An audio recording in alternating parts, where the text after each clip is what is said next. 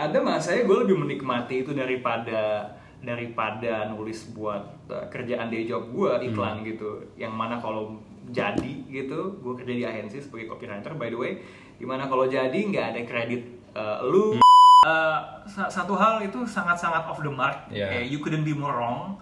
Karena justru produser gue dulu tiap kali ngelihat ada komen negatif bagus haters kamu sudah bertambah ya bagus la- lanjutkan Tapi kalau kayak di TV gitu kan lo sering diminta kayak kayak beberapa kali lo pernah diminta untuk memprediksi what's gonna happen to your team or to like the play Iya. team. Itu tuh kayak gitu. kecuali lu main judi menurut gue prediksi is the most boring part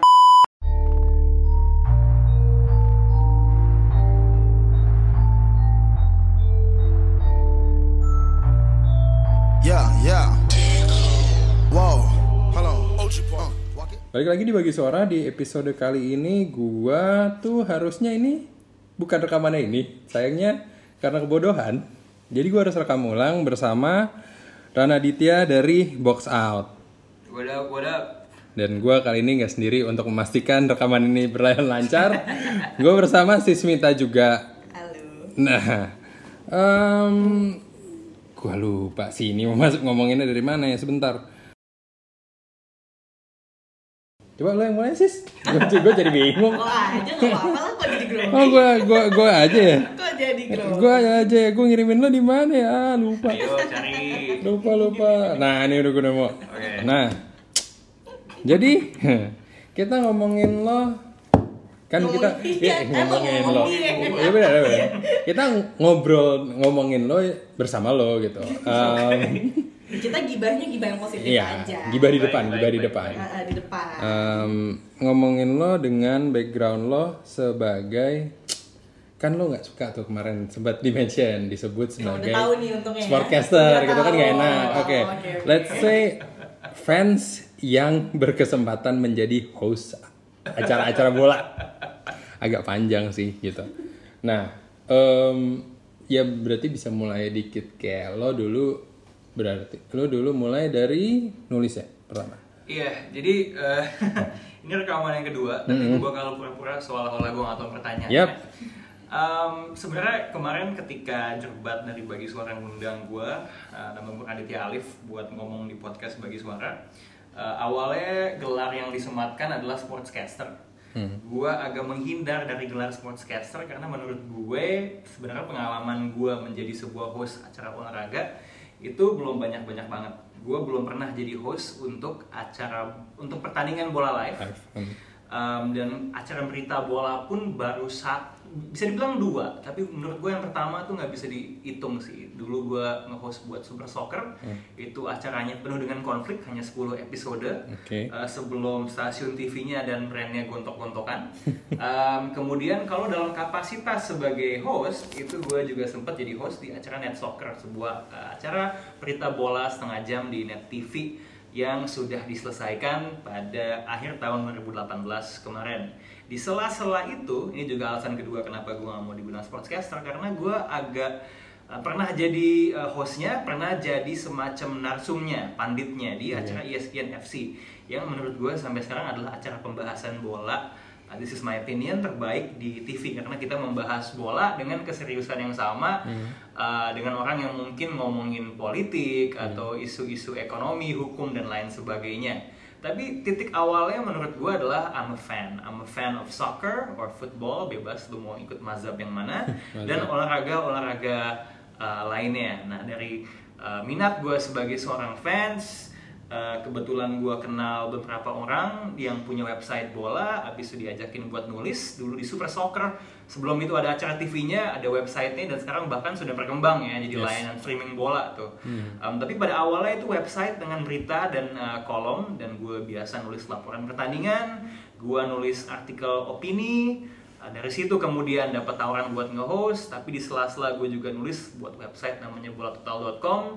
Di situ semakin luas lagi karena tulisan gue itu bisa semakin yang sifatnya uh, opini atau kolom di mana nggak cuma laporan berita tapi pendapat pribadi gue nah di situ gue dulu suka mengaitkan tulisan gue dengan pop culture dan hal-hal lain yang suka gue ikutin. Dari situ host uh, Super Soccer tadi kemudian karena itu di net gue jadi kenalan sama orang-orang di net dan di situ gue jadi ajakin ke ESPN FC dan kemudian sempat jadi expert di net soccer kemudian host. Jadi sebenarnya uh, benang merahnya adalah setelah lo kerja lo bikin tulisan lo kenal orang yang tepat diajakin dapat kesempatan lain so on so forth. Sampai sekarang dari teman-teman yang gue dapetin di Super Soccer dulu uh, Pange dan kawan-kawan gue diajakin ke uh, box to box. Kadang-kadang gue ikut di podcastnya Uh, kadang-kadang uh, malah karena gue minatnya nggak cuman bola doang gue sangat suka basket gue nge-host basket. Dan yang selanjutnya adalah gue akan nge-host podcast tentang Jepang-Jepangan uh, otaku box yang belum keluar. Uh, Bismillah akan diedit dalam waktu dekat. Iya. Um, tapi intinya gini sih starting pointnya tuh selalu I'm a fan of different things.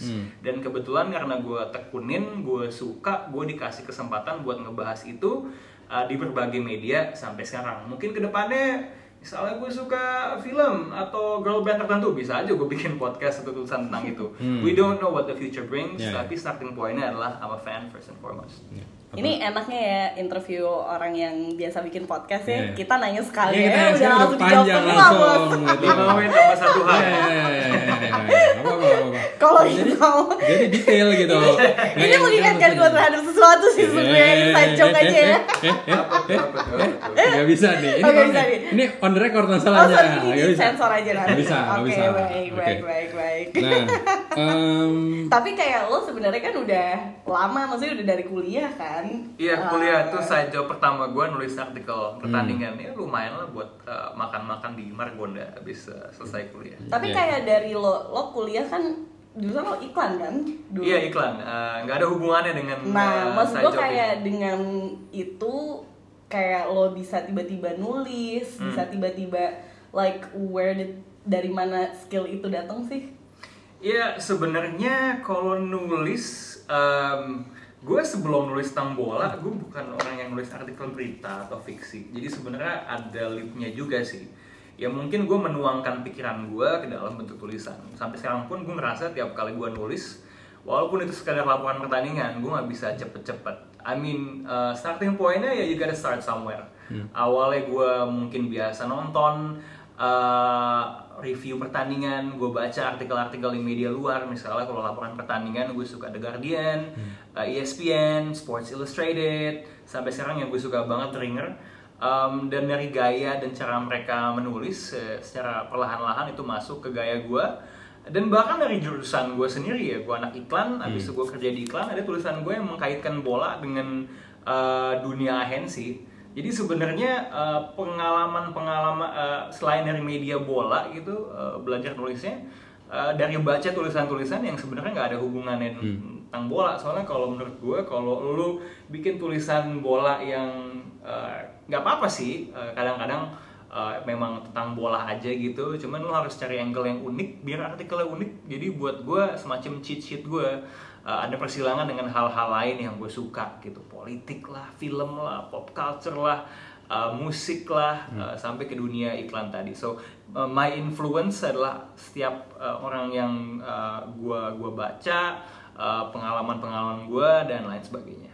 Iya, soalnya kan kayak nulis tentang apalagi gue nggak kebayang sih, apalagi tentang olahraga gitu ya, untuk gak nulis itu secara format hard news gitu, like it's incredible that you can actually make that leap dari kayak lo kuliah masih yang belum pernah, ya I assume lo belum pernah nulis kayak gitu kan sebelumnya. Iya, cuman ya itu kembali ke uh, bacaan yang gue baca sih. Soalnya kalau misalnya baca artikel tentang bola, ya dari zaman gue SD SMP mah gue udah ngelakuin itu.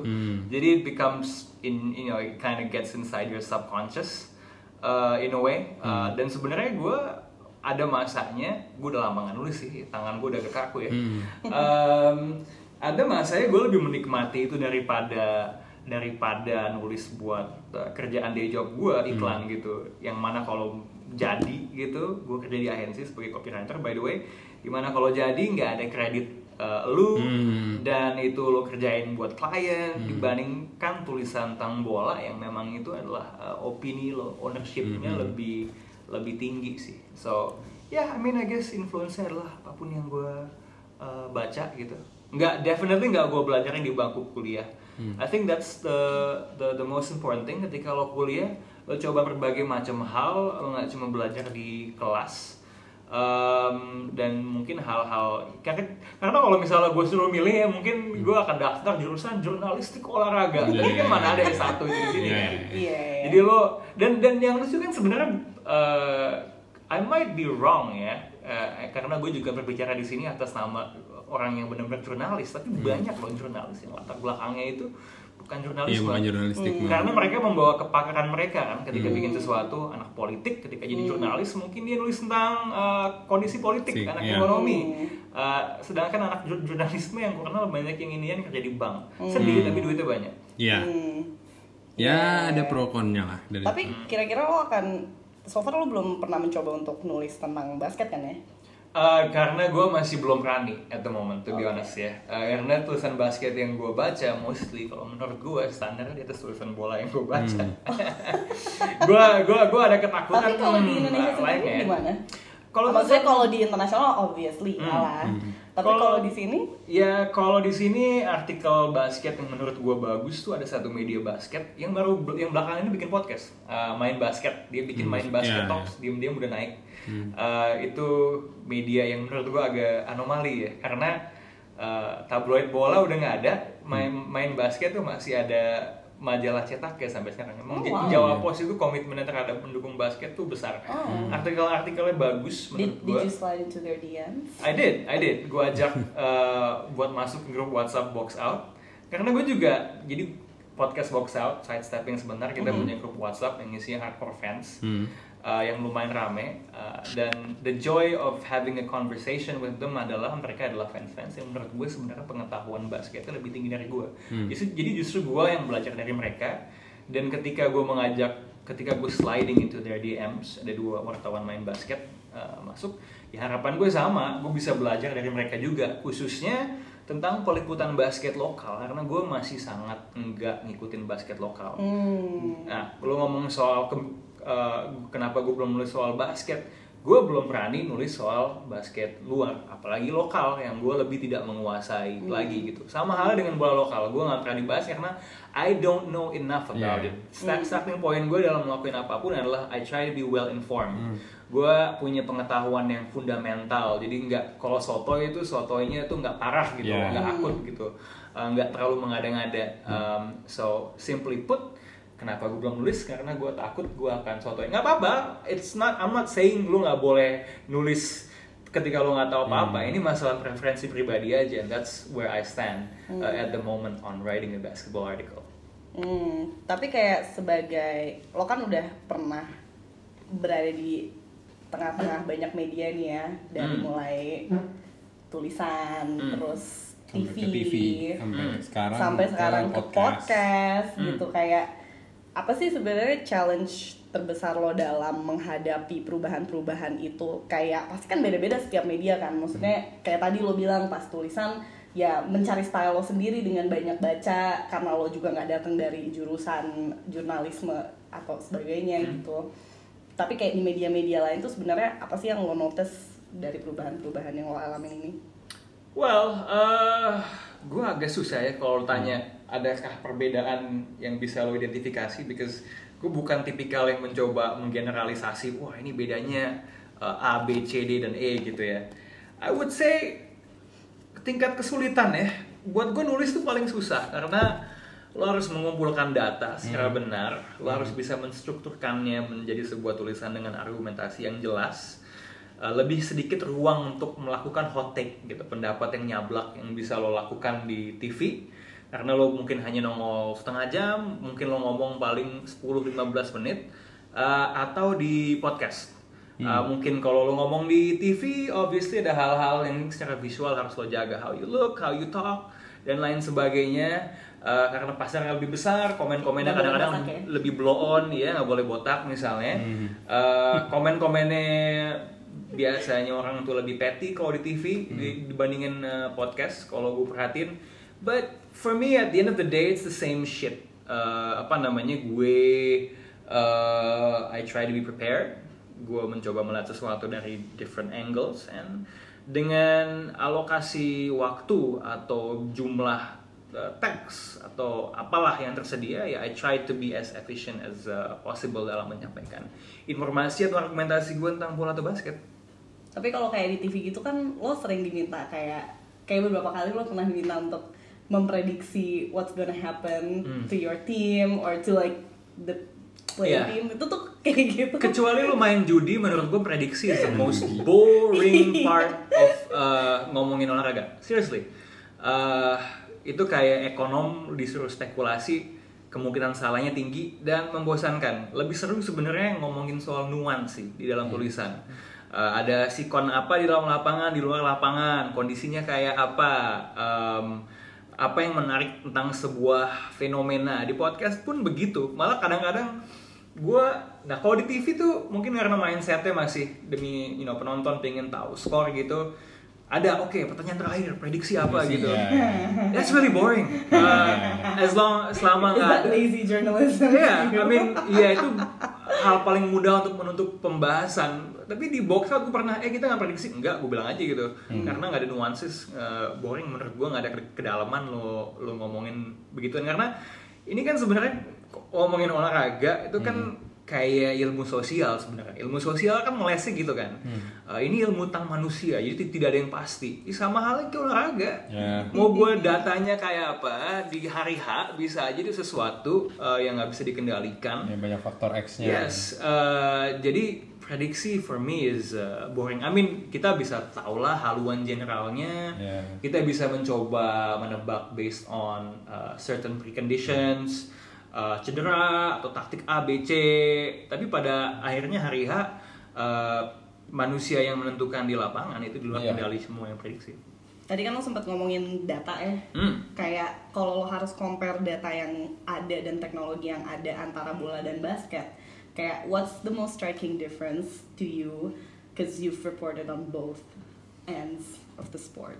Eh, menurut gue buat khalayak umum statistik basket itu lebih available. Eh, jadi kalau lu ke NBA.com, NBA.com itu kan website sebuah liga basket, bukan website eh, lembaga statistik atau lain sebagainya. Data yang ada untuk lo jadikan bahan al- analisis itu ada advanced statistics, ada per 100 menit, ada uh, hustle statistik, hampir semua aksi di lapangan tuh dikuantifikasi nggak hanya per pertandingan tapi uh, per misalnya 100 menit 36 menit karena kadang-kala lo nggak bisa ngebandingin dua pemain karena durasi mereka bermain berbeda.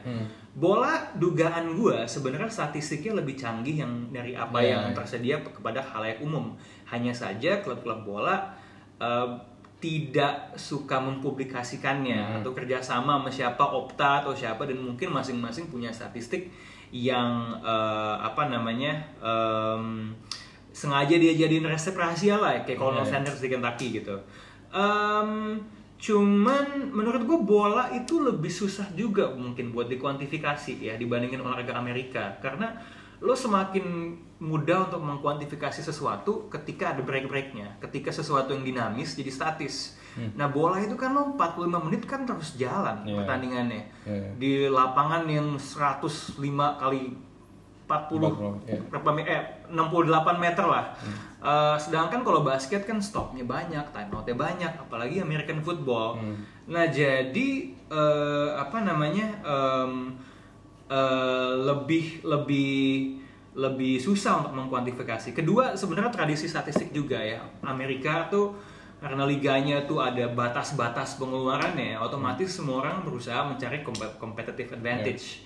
Eh, d- eh, karena lu nggak bisa outspend eh, rival lo. Kalau bola kan tim yang paling kaya PSG, Yeah. gelontorin uang lo bisa beli Yeah. pemain bintang Real Madrid. Kalau basket kan Golden State sama Toronto atau siapa lah itu mereka bermain dengan pay rate yang sama. Otomatis gimana caranya dia bisa mendapatkan keuntungan yang marginal, mencari pemain-pemain yang diamond in the rough yang mungkin belum kelihatan bagusnya. Gimana caranya lo menilai selain eye test dari mata dengan statistik yang sifatnya advance. Pastinya ada elemen gambling di situ. Tapi kalau terbukti bagus. Kita bisa lihat di bola sebenarnya tim kayak Liverpool kemarin menang Yeah. Liga Champions. Menurut gue dengan pendekatan yang agak kombinasi. Uh, dia masih spending besar untuk beberapa pemain. Um, Alisson sama uh, Van Dijk. Van Dijk, hmm. Uh, tapi itu pun setelah menjual pemainnya Yeah. dikombinasikan dengan pemain-pemain yang pada awalnya lu dikira tuh nggak uh, Ya, oke banget tapi berdasarkan analitik bagus. Contohnya Sadio Mane kombinasi Ya. uh, American sports culture sama European sports culture. Kan pemiliknya orang Amerika kan Hmm. si John Henry yang diterapkan di Liverpool. Menurut gue punya andil dalam membawa mereka sukses di Liga Champions kemarin Oke. apalagi ini dead air nih kalau istilah radio. Oh gitu, gak, gak boleh diem ya? Nggak boleh diem. Iya, kalau kalau di podcast boleh sih kalau kata orang radio. Tapi tapi- kalau di radio sama TV itu haram. Nah, Iya, itu iya. tadi lu tanya satu lagi kan perbedaan eh, iya. podcast TV sama radio kan. Di TV sama Hmm. radio tuh kekosongan dead air tuh hukumnya lumayan haram gitu. Mesti kalau dua host satu lagi mesti langsung Iya. Nah, kalau kalau Ini kalau- ada dua host, mohon maaf. Oh, kan, tapi kan kalau di podcast ntar tinggal dead air tinggal di cut. Benar. Iya. Benar, Nih, benar. Jadi kesannya kayak kita ngomong terus. Kita ngomong Padahal nih ada diem, diem, Kita diem. nafas aja kadang-kadang kita cut ya. Iya, kadang-kadang Kalau kenapa ini di Kalau nafas kelamaan kita cut. Iya. jadi ini kalau di sesi pengeditan Hmm. Lo sambung kesannya gue omong kosong gitu ya gue ngomong dead air padahal nggak ada Nggak Padahal nggak ada, nggak ada. Tapi Nah. kayak, nah, Nih, ini apa? Lu, lu mau silakan lu kalau mau Silakan, silakan, silakan. silakan. Jangan berebutan dong. Oh, iya, tadi iya, kan iya. tadi aja diem. Iya, dia diem ya. Em, tadi nah. nguap nih gue Iya, makanya tadi aja lu. Ini udah malam masalah, mohon maaf. Eh, tadi apa? Oh iya, kan sekarang ngomongin tadi ngomongin konteksnya eh, apa perbedaan ya TV Hmm. masih masih sama sih sebenarnya ini ngomongin konteks audience. Hmm. Again kita juga udah ngomongin ini sih kemarin, but anyway, Hmm. em, bedanya apalagi di masa sekarang dan gini, lo menjadi host di TV nasional, lo menjadi eh, apa namanya host podcast sekarang kan semua benang merahnya tuh semua udah di era teknologi udah maju. Hmm. Yang di mana sekarang udah nggak udah bukan audience audience bisa dua arah indirectly yang di mana ya media sosial lah gitu. Hmm, hmm, hmm, hmm. Nah, apakah ada fans-fans ya uh, again fans-fans dari uh, apa namanya olahraga ini yang ibaratnya oh gue udah ngikutin lo dari TV terus kayak ya itu yang kayak mau makin gak suka atau apa kayak gitu. Eh, ada sih yang ngikutin eh, atau bedanya ketika lo di TV dan ketika lo sekarang di podcast. Eh, audiensnya. ada dari zaman gua bola total sama Bola super total, soccer itu hmm. juga ada. Hmm. Eh, yang lo di Super Soccer katanya lo jadi jerk banget ya karakternya. Super Soccer TV ya, Super Soccer Eh, TV. bukan di website. Hmm. Ya ada yang benci, tapi kan yang nonton TV itu banyak ya. Jadi gue Hmm. susah juga sih gue Iya. buat nge-track. Ada yang misalnya benci banget gue ketika di TV, Hmm. gue nggak melihat dia eh, dia nongol untuk komen podcast. Hmm. Bisa aja dia tidak bermigrasi ke podcast. Hmm. Bisa aja eh, insya Allah kebenciannya sudah hilang. Insya Allah. Em, tapi Berubah pikirannya. tapi Berubah fans-fans uh, yang ya pada akhirnya kan sebenarnya ya lo jadi fans Hmm. lo ngomong apa aja itu hak lo ya Hmm. sebaliknya juga hak gua buat nurutin Ya. cuekin atau- Ya. ngebales ngetaiin kesel ini kan semua hak gua gitu Hmm. jadi sebenarnya gue paling lucu ketika ada fans yang setelah dikritik gue balas terus itu kan biasa kebebasan Yeah. berpendapat Ya sama. ya sama gitu gue tidak bilang lo nggak boleh Yeah. uh, ngomong muka gue kayak kontol gitu kan Eh, jangan lupa sensor Ya. Em, tapi gue juga berhak untuk bilang oh, muka lo lebih kayak kontol lagi gitu. enggak enggak tapi ngerti kan Iya, iya, iya, Dan- iya, dan- iya, dan iya. sebenarnya gue baik kali karena gue merespon gitu loh mungkin karena gue belum seterkenal itu ya Iya. Eh, Jadi tidak ada. tapi tahu-tahunya ketika insya Allah someday atau mungkin di dunia eh, paralel mungkin gue jauh lebih terkenal Iya. mungkin gue sama gue balas juga. Iya, iya, iya. mungkin gue emang sepeti itu. Iya, iya, iya, iya. Um, tapi yang lucu eh, ini kayaknya sempat gue bahas di rekaman yang viral kemarin. Um, ada pasti TV tuh ada asumsi dari fans-fans yang misalnya gini udah lu ngapain sih songong banget? Nanti ratingnya turun loh. Hmm, iya, iya, nanti iya. gue bilang ngadu bakal dipecat gitu itu kan mereka punya ekspektasi keluhan-keluhan mereka keluhan-keluhan rakyat ini akan didengarkan sama produser Hmm. Dan eh. gue akan ditegur kan sa- satu hal itu sangat-sangat off the mark Iya. kayak you couldn't be more wrong karena justru produser gue dulu tiap kali ngelihat ada komen negatif bagus haters kamu sudah bertambah ya Iya. bagus la- lanjutkan gitu jadi gue memang memang eh, itu menjadi penilaian positif buat gue Hmm. so mungkin moral of the story-nya adalah ketika di TV ada sesuatu yang lu benci lu jangan komen lo stop nonton Hmm. karena yang begituan secara sentimen nggak terlalu dilihat sama orang TV Iya. yang dilihat tuh wah ini jumlah engagement Engagement, engagement, ini penonton. clicks ini comments ini bisa gue jual ke orang-orang iklan untuk membuktikan kalau audiens ketika nonton acara gue sangat-sangat aktif Iya. gitu loh jadi buat semua yang dulu ngatain muka gue kayak alat kelamin yang bilang muka gue kayak uh, minuman uh, teh yang bilang gue so Inggris yang bilang uh, gue songong entah apa alasannya. Terima kasih banyak karena kalau bukan karena lo gue nggak akan selama itu di TV gitu loh. Kalian adalah fans-fans saya yang paling berharga dan saya merindukan kalian. Tapi kayak kalau di kan lu juga sempat ngomong ini di podcast lain nih ini nyontek juga ya. Hmm. kayak perbedaan fans fans um, sports bola dan basket. Kayak lo sering banget nih mengalami episode episode di mana kenapa sih? gitu Iya, kan. iya, iya. coba boleh nggak ceritain dikit? Well- apa kenapa sih emangnya sebenarnya? Is that a generalization? Because I know you hate Iya, mungkin- generalizing but mungkin- is that your experience so far? Mungkin sebenarnya itu hanya generalisasi dari pengalaman kemal eh, pengalaman yang kemalangan. Yang yang jumlahnya sedikit. Mungkin fans bola yang ngomong seperti itu eh, me- menggunakan kata paling eh, yang saya cintai dalam bahasa Indonesia mungkin mereka hanya oknum saja sebenarnya. Tapi mungkin juga gini ya eh, fans basket bola pastinya ada yang begitulah gitu ya. Eh, I'm not saying fans basket lebih mulia atau lebih terpelajar Yeah. daripada fans bola. Bola, hmm. walaupun kok kayaknya gitu ya.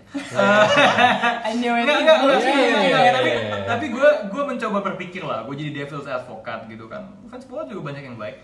Mungkin soalnya fans basket itu udah seneng ada podcast yang ngebahas Hmm. basket. Jadi mereka lebih grateful. Optionsnya sedikit. Jadi Iya, iya, "Ih, iya. ngapain sih gue caci maki gitu kalaupun omongannya ngaco daripada nggak ada gitu having something is better than not having Hmm. Than anything nothing, at all iya.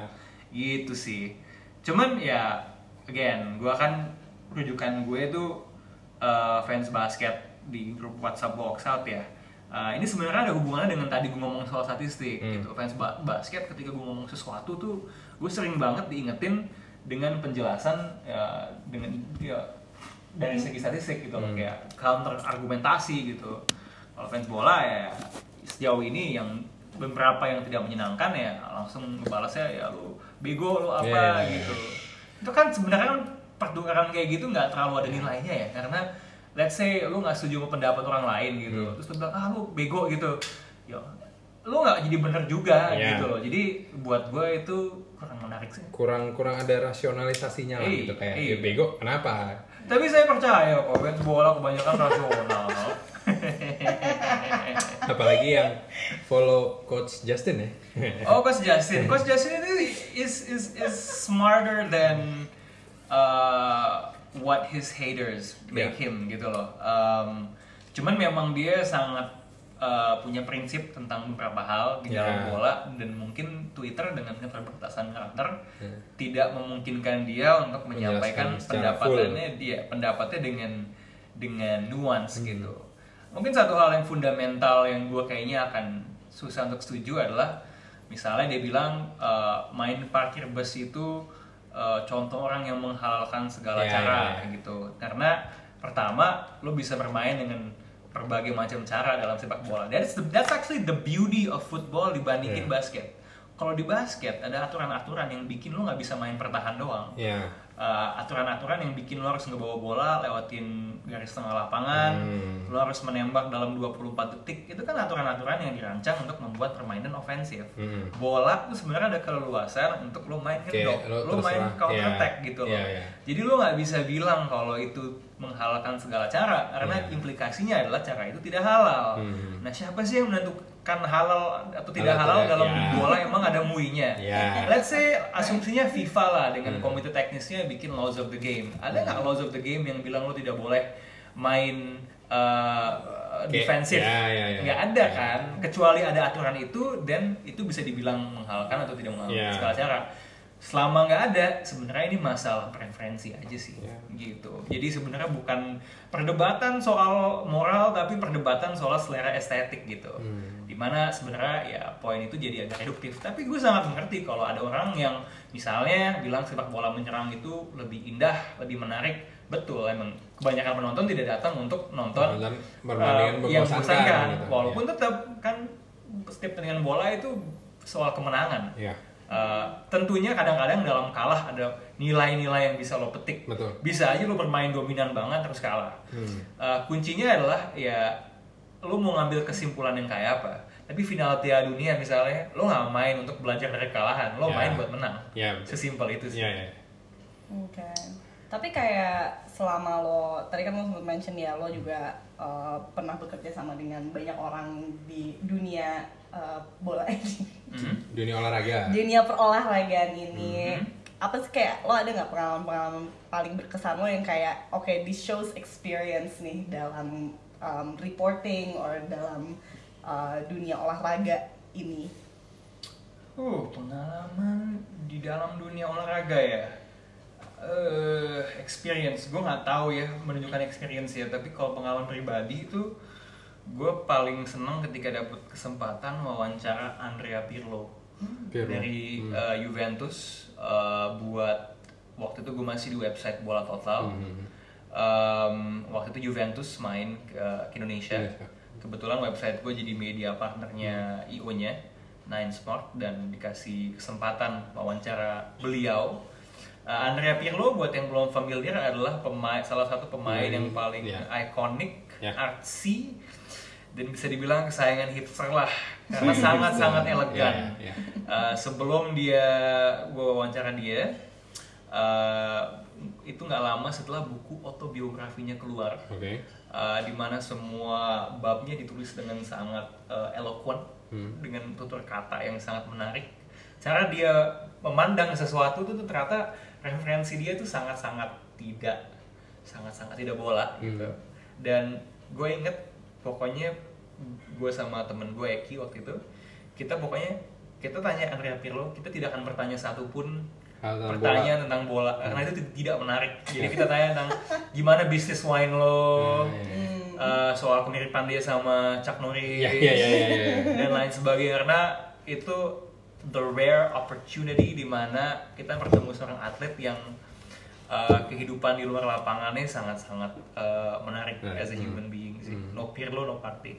Terus dia how he respond to that gitu kayak. Well, he spoke in Italian, ada penerjemahnya, Oh, iya. tapi kayaknya penerjemahnya agak-agak. Oh, off ya. gue menduga ada nuansa yang hilang ya. Hmm. Karena gaya Pirlo ngomong tuh kan orang Italia tuh sangat passionate. Iya, iya, iya. Miss Cozy, Miss Cozy. Iya, Miss-.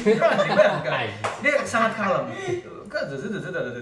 Um, gitu sih. Um, Iya, ya, it's it's probably one of my best uh, experiences. Iya, iya. Cuman gini sih, gue gue tuh sebagian besar nulis laporan, uh, nulis uh, kolom dulu, ngomongin semua sumber gue tuh sumber sekunder jatuhnya kan, uh, nggak langsung uh, interview orangnya. Jadi sebenarnya pasnya di luar sana ada banyak penulis yang bola yang uh, has put the hours and the mileage into their work dan yang menurut gue pengalaman mereka dalam meliput uh, media olahraga, pemain, uh, insan dunia bola dan olahraga lainnya jauh lebih luas dari gue. In that respect, uh, mungkin gue bukan orang yang paling tepat untuk ditanyakan. Tanya itu. Oh gitu. Ya, I, mean, I, mean, I gotta put it out gitu. I don't, I don't want to discredit everybody else who's uh, out there. Iya.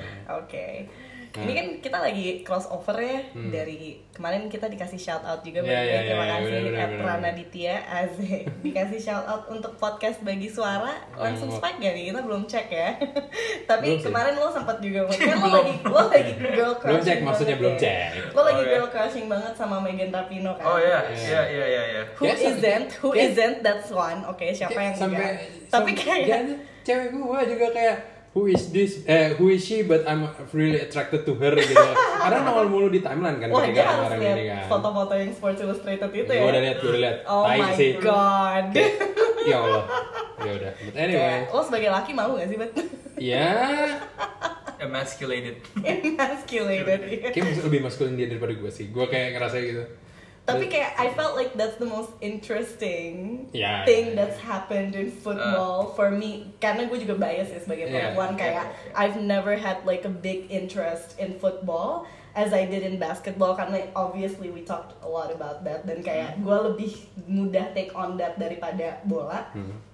Tapi kayak it's just interesting to hear you as someone who's experienced in this field in this sport kayak see that happening. Like how do you feel what do you what were you thinking? Because I know you watched the final game and everything dan lo mengikuti si Megan Rapinoe. Ini lo juga yang ngasih tahu dia. Eh gue dia pacarnya siapa? Suber, Subert, Subert. ya main basket Amerika eh, perempuan yang sangat eh, terkenal. Eh, gue nggak bisa dibilang orang yang mengikuti bola perempuan.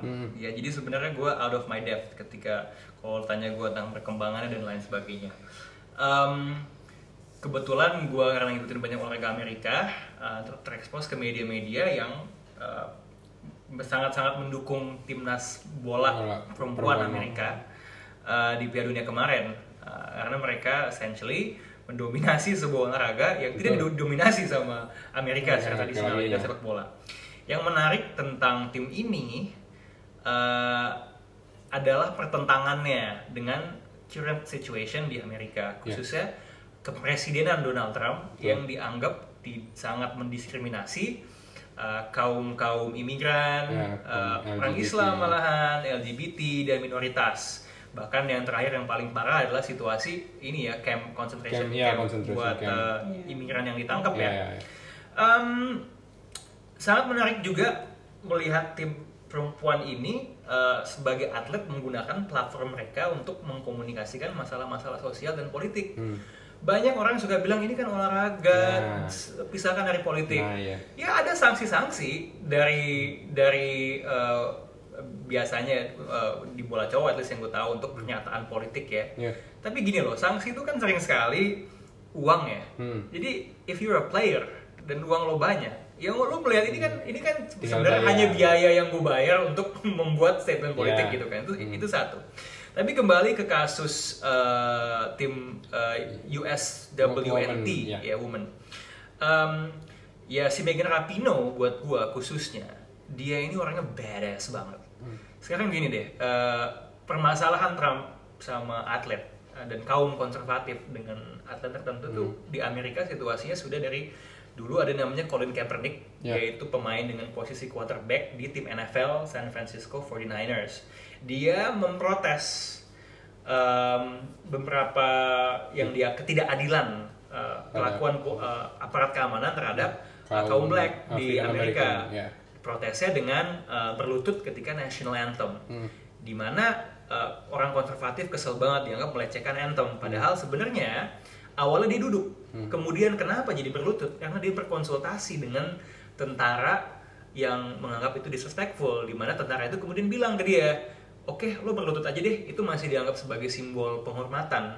Jadi apa yang dia lakukan sebenarnya tidak melecehkan anthem Ya. ataupun tentara-tentara Amerika yang terwakili dengan kebangsaan. Nah hebatnya Megan Rapinoe adalah dia main buat tim bola cewek yang mungkin nggak terlalu banyak nonton. Dia adalah atlet pertama yang mendukung Kaepernick dengan ikut uh, berlutut, Berlutut. menyatakan solidaritas. Dan semenjak momen itu banyak orang juga kontra Hmm. sama dia dan dia terus melakukan itu sampai akhirnya ada peraturan dari uh, Federasi Bola Ya. Amerika untuk tidak boleh harus berdiri ketika Ya. anthem dan dia nurut. Jadi sebenarnya rebel tapi kalau memang peraturannya bilang seperti apa dia akan nurut gitu kan. Hmm. Nah, tapi secara konsisten semenjak itu dia dan uh, tim-tim beberapa pemain perempuan tim US, uh, apalagi yang LGBT itu memang konstan vokal melawan Trump. Ya. Memang situasinya seperti itu di, di Amerika. Kita belum lama ini ngelihat apa yang dibilang di tweet ter- Trump tentang Ocasio Cortez sama Ya, Ilhan ya, Omar ya, ya. bilang mereka ini Oh, itu. uh, dari iya kan ya men- menurut gue sangat wajar Uh, ada iya ini mungkin gue mewakili sudut pandang gue sendiri ya ideologi gue sendiri tapi menurut gue sangat wajar orang protes dan tidak suka terhadap presiden ini gitu Iya.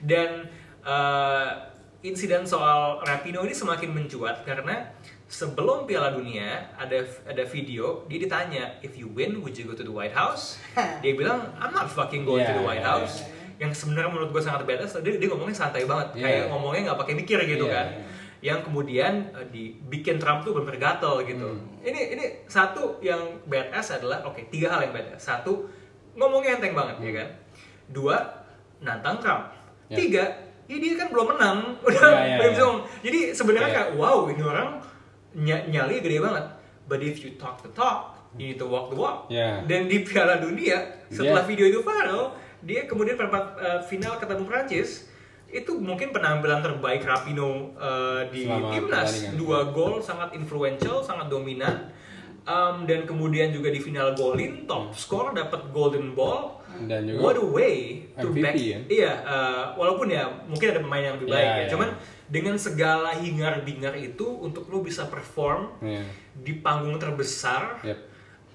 itu menurut gue gak ba gue agak susah mencari atlet yang se badass itu Hmm. kayak dan lebih badass lagi dia bilang gitu hate doesn't motivate me I do this Iya. uh, out of love gitu Hmm. Um, dan gak cuman itu uh, tim US kan juga ter- ter- terlibat sengketa dengan federasinya iya. soal equal pay nah ini yang orang suka salah kaprah nih orang tuh argumentasinya kenapa sih tim US nuntut equal pay kan hadiah uang di Piala Dunia ini cuman segini. Hmm. Nah kesalahannya adalah orang nggak tahu tim US ini protesnya bukan ke FIFA, Hmm. Tapi Uh, tapi ke iya. federasinya Iya. karena secara revenue apa yang didapatkan ap- apa yang dibawa sama tim ceweknya itu memang lebih gede daripada tim, Tim cowok. cowoknya penjualan baju rating TV memang mereka membawa pemasukan yang lebih besar bagi federasinya pertanyaannya kenapa duitnya sekecil ini Hmm. kenapa lu menjadikan total revenue Piala Dunia sebagai tolak ukur lo gitu Ya, ya. harusnya memang ada langkah-langkah yang lebih proaktif dari federasinya.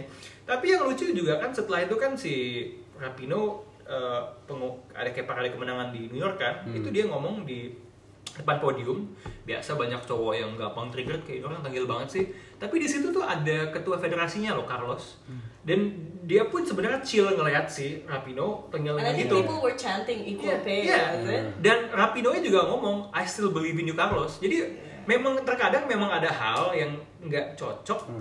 tapi dua orang yang terlibat tuh nggak semusuhan itu dan mungkin sebenarnya di balik itu berusaha mencari titik Titik tengah. tengah, Hmm. gitu. At least gue melihat gue jangan-jangan memang ada etikat baik Hmm. dan memang public pressure yang besar ini pastinya akan membuat menurut gue federasi ini uh, US uh, apalagi dengan tim bola cowoknya yang nggak berprestasi Hmm. uh, lambat laun uh, akan at least mengubah stance ya. itu itu dugaan gue Uh, tapi gitu sih mungkin orang tuh kalau kalau ngelihat di gaya dia dan tuntutannya dan lu ngerasa "Eh, kok equal pay lu cewek nuntut banyak hal banget. Tapi memang itu adalah yang mereka pantas dapatkan gitu Ya. loh. It's as simple as that gitu. Janganlah karena bentukan rambut dia ungu Oh ini kayak ini ini, really ini funny kenapa about bentukannya kayak SJW? SJW. Gue tuh benci banget loh sama orang yang asal manggil orang ya. SJW di Twitter karena apa sih nilainya lu manggil orang yang terlalu kritis SJW? Apakah lu dengan lu panggil dia SJW dia akan melunak kritisnya? Hmm. Dan sering kali isu yang dibahas walaupun kadang-kadang uh, mungkin perintilan, kadang-kadang mungkin salah, at least someone is talking about it. Kadang-kala tuh kita suka meremehkan value dari orang yang kritik terus gitu. Oh, lu kritik terus, solusi lu mana? Ya memang terkadang solusinya nggak harus dari orang yang kritik, tapi dengan selalu ada orang yang berkritik dan yang bersuara, at least isu itu dapat perhatian gitu loh. Oh, SJW SJW ngapain sih komen soal cuaca? Ya, kalau nggak ada yang komentar juga lu nggak akan tahu udaranya seperti apa. itu kan. Hmm. Jadi menurut gua kadang-kala kita setelah kita karena udah capek duluan melihat orang yang terlalu kritis, kita kayak "Oh, kenapa sih kita terus Hmm. ya lu kenapa terus gatel sama orang yang kritis gitu loh. kayak kayak what does it do? Ya. Ketika lo manggil orang SJW itu nilainya itu apa Jadi gitu loh. sama-sama fans lo yang manggil lo muka kamu. Iya, iya sama persis sama gitu Iya, kan. iya, bener, bener, bener. Ya, dan, dan secara secara uh, secara label kan kalau itu mau diandai katakan sebuah debat kan itu udah at home hominem lo manggil orang itu udah cacat secara logika gitu. Loh. Iya. So itu ini unek-unek gua aja sih. Dan menurut gua karena orang gatel ngelihat Rapino punya image kalau dia ini perempuan kiri progresif punya gaya jadinya tuh mikirnya itu gitu loh. Bukan berusaha mendengarkan apa yang sebenarnya dia bawa dan apa yang dia perjuangkan. Yang sebenarnya kalau kita lihat body of worknya dia sangat-sangat layak untuk diperjuangkan Hmm. So you think this is happening in, at the right time juga gak sih buat dia kayak Yeah. this issue is very relevant at the Hmm. moment dan kayak dia juga have the CV to back it up. yeah yeah yeah I mean she doesn't have to have the CV Yeah. to back it up But then- she backed it up But she anyway backed it up anyway. itu badnessnya di situ Iya, iya. Tuh, di situ gue ngerasa gila ini cewek ini emang titiknya lebih gede dari gue Iya, iya, iya. Dua kali lipat bahkan si Pange sampai ganti nama Twitternya kan Megan Rapinoe fan account Iya, iya dan, dan, dan yang lucu nih akun box to box habis itu bilang eh lo banyak yang mention ke dia gitu. Hah, lu halu. Gue sih Alex Morgan ya. Iya, iya, iya. Gue entah kenapa, gue bukan mau Suzon sama beberapa yang dengerin box to box. Kayaknya lu denger sama Alex Morgan gak ada cakep deh. iya iya Tapi Alex Morgan tuh pacarnya juga pemain sih. bola kan? Iya main bola. Ah. Eh, eh ya Alex Morgan emang jago sih. Dan Iya, menurut iya. gue sangat Iya, badass iya. selebrasi dia yang tikap gitu. iya iya iya. Cuma I think makanya menurut gua di situasi itu orang tuh agak nge-underestimate se- yang mungkin nggak ngikutin bola Hmm. se-badass apa gitu loh. Gua datang dari perspektif ngikutin beberapa olahraga. Ya emang itu Iya, iya. di Iya, olahraga mana pun ya Usain Bolt has never done that gitu loh. Hmm. Gue lagi mencoba memikirkan itu tuh kayak dulu tim eh, atletiknya Amerika gue lupa di Hmm. Olimpiade berapa gitu, yang dia ketika anthem dia eh, ngangkat kepal buat protes soal Black Lives. Hmm. Itu tuh kayak Carl Lewis tahun 1930 something di Olimpiade. eh, ketika Olimpiade di Berlin di depan mukanya Hitler, Dia menang. Iya dia menang. Sebagai orang ini makan nih ras ketemu. ras Arya makan nih kalah sama superioritas lo di mana Iya. gitu. loh. Jadi ya itu di gimana ya ketika tekanan-tekanan itu nggak sekedar dari dari, Dari musuhnya gitu loh. iya. Memang situasi kultur apa sosiokultural menantang lo to take all that and to perform for me that's crazy gitu loh. Gua gua I'm a lifelong fan mau dia sebapuk apa pun di Piala Dunia uh, selanjutnya walaupun kayaknya kalau dari usia dia kayaknya paling akan main di Olimpiade Tokyo terakhir. Iya dia udah tiga empat apa Iya, dia, dia pemain tertua yang golin di final Piala Dunia perempuan.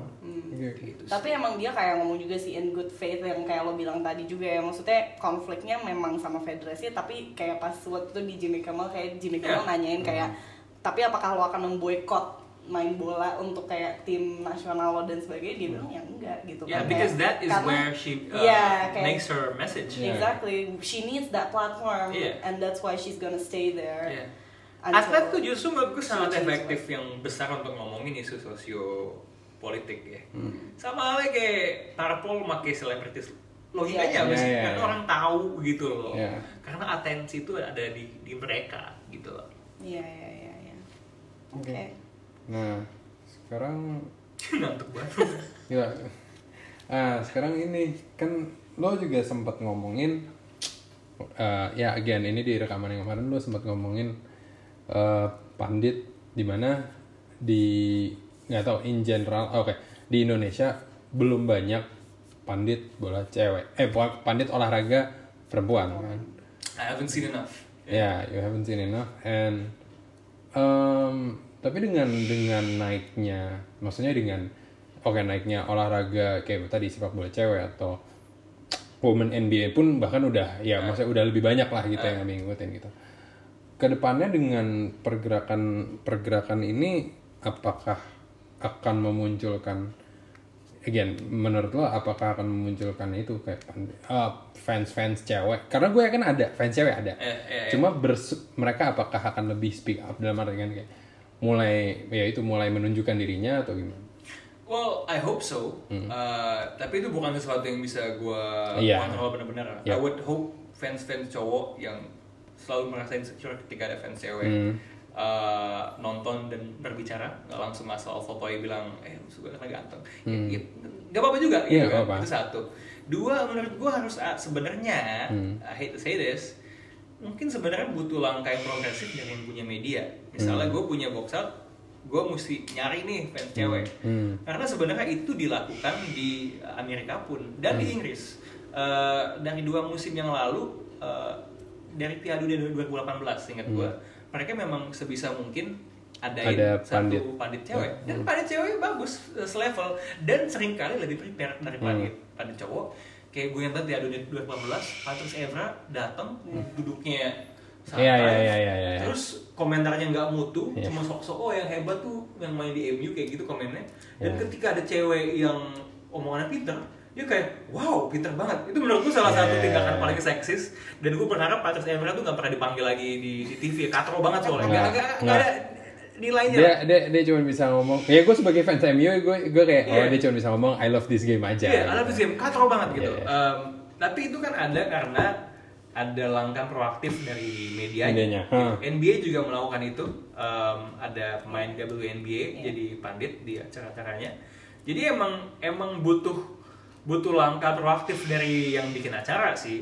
Tapi sejauh ini dari yang gue lihat dari cewek yang ngomong, dari wartawan cewek gue yang dilibatkan, misalnya di ESPN tuh ada Doris Burke yang menurut gue unanimously dari dulu dibilang he she is the best color komentator di, di basket di, di luar ya.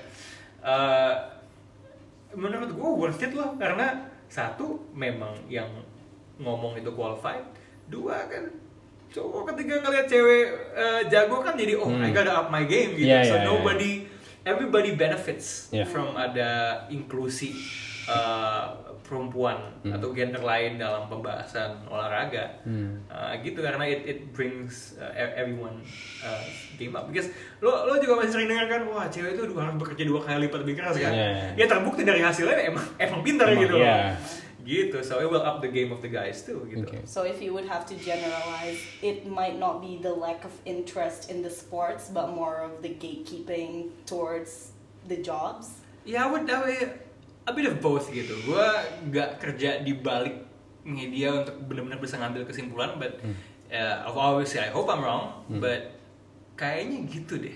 Kayaknya gitu. Gue jarang banget kan kayaknya ada acara bola gitu, expertnya cewek. Dan ini ini nggak harus ngomongin bola cewek ya, bola cowok pun Iya, gitu. iya, iya, iya. Orang gue aja cowok ngomongin bola cewek, gitu Yes. kan? ya So it, it should go both ways.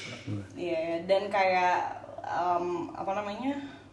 Gue lupa. Ah, I lost my train of thought. No. Oke, tapi kayak uh, dengan adanya media-media kayak gini nih podcast dan maksudnya new medium yang dulu tuh mungkin kan kalau kayak tadi lo bilang kayak TV atau apa medianya tuh maybe it's a man's world gitu. Tapi do you hope with this these alternative media that there will be more of like female Oh ya, because because the control of the media ada sama yang bikin podcast. Ya. Ya, jadi ini bukan hanya masalah sexism atau uh, inclusion. Ketika podcast medianya nggak ada visual, lo juga bisa terhindar dari lookism menurut Ya. gue. Ya, uh, mau dan menurut gue emang fair gitu. Soalnya TV juga gitu kan, mau cakep mau apa, mau gendut mau whatever gitu. Everybody has the same chance gitu kan. Jadi menurut gue iya seharusnya seperti itu gitu. Dan itu adalah sesuatu yang masih lagi gue kalau buat box out masih lagi gue cari sih gitu. Kemarin soalnya gue bikin percakapan di grup box out malah jadi boys club banget gitu loh. Maunya Maria Selena, Maria Selena. Iya, Maria Selena main basket, mungkin lebih ngerti basket. Um, tapi ya apa yang mau diangkat selain keseharian dia Iya. gitu loh. Uh, mungkin bisa ngomongin bola cewek dikit tapi nggak tahu sometimes lo liat some dari cowok yang like ini mereka pingin ngeliat Maria Selena Iya, iya, karena alasan A atau Iya, B iya. gitu loh. Ya mungkin emang kadang-kadang kalau terhadap cowok gue harus menurunkan ekspektasi gue ya. gitu sih. Ya, ya, ya. Okay. Okay, so this has been a very in- insightful discussion. Thank you very much. It has been a great experience interviewing you. Sama-sama.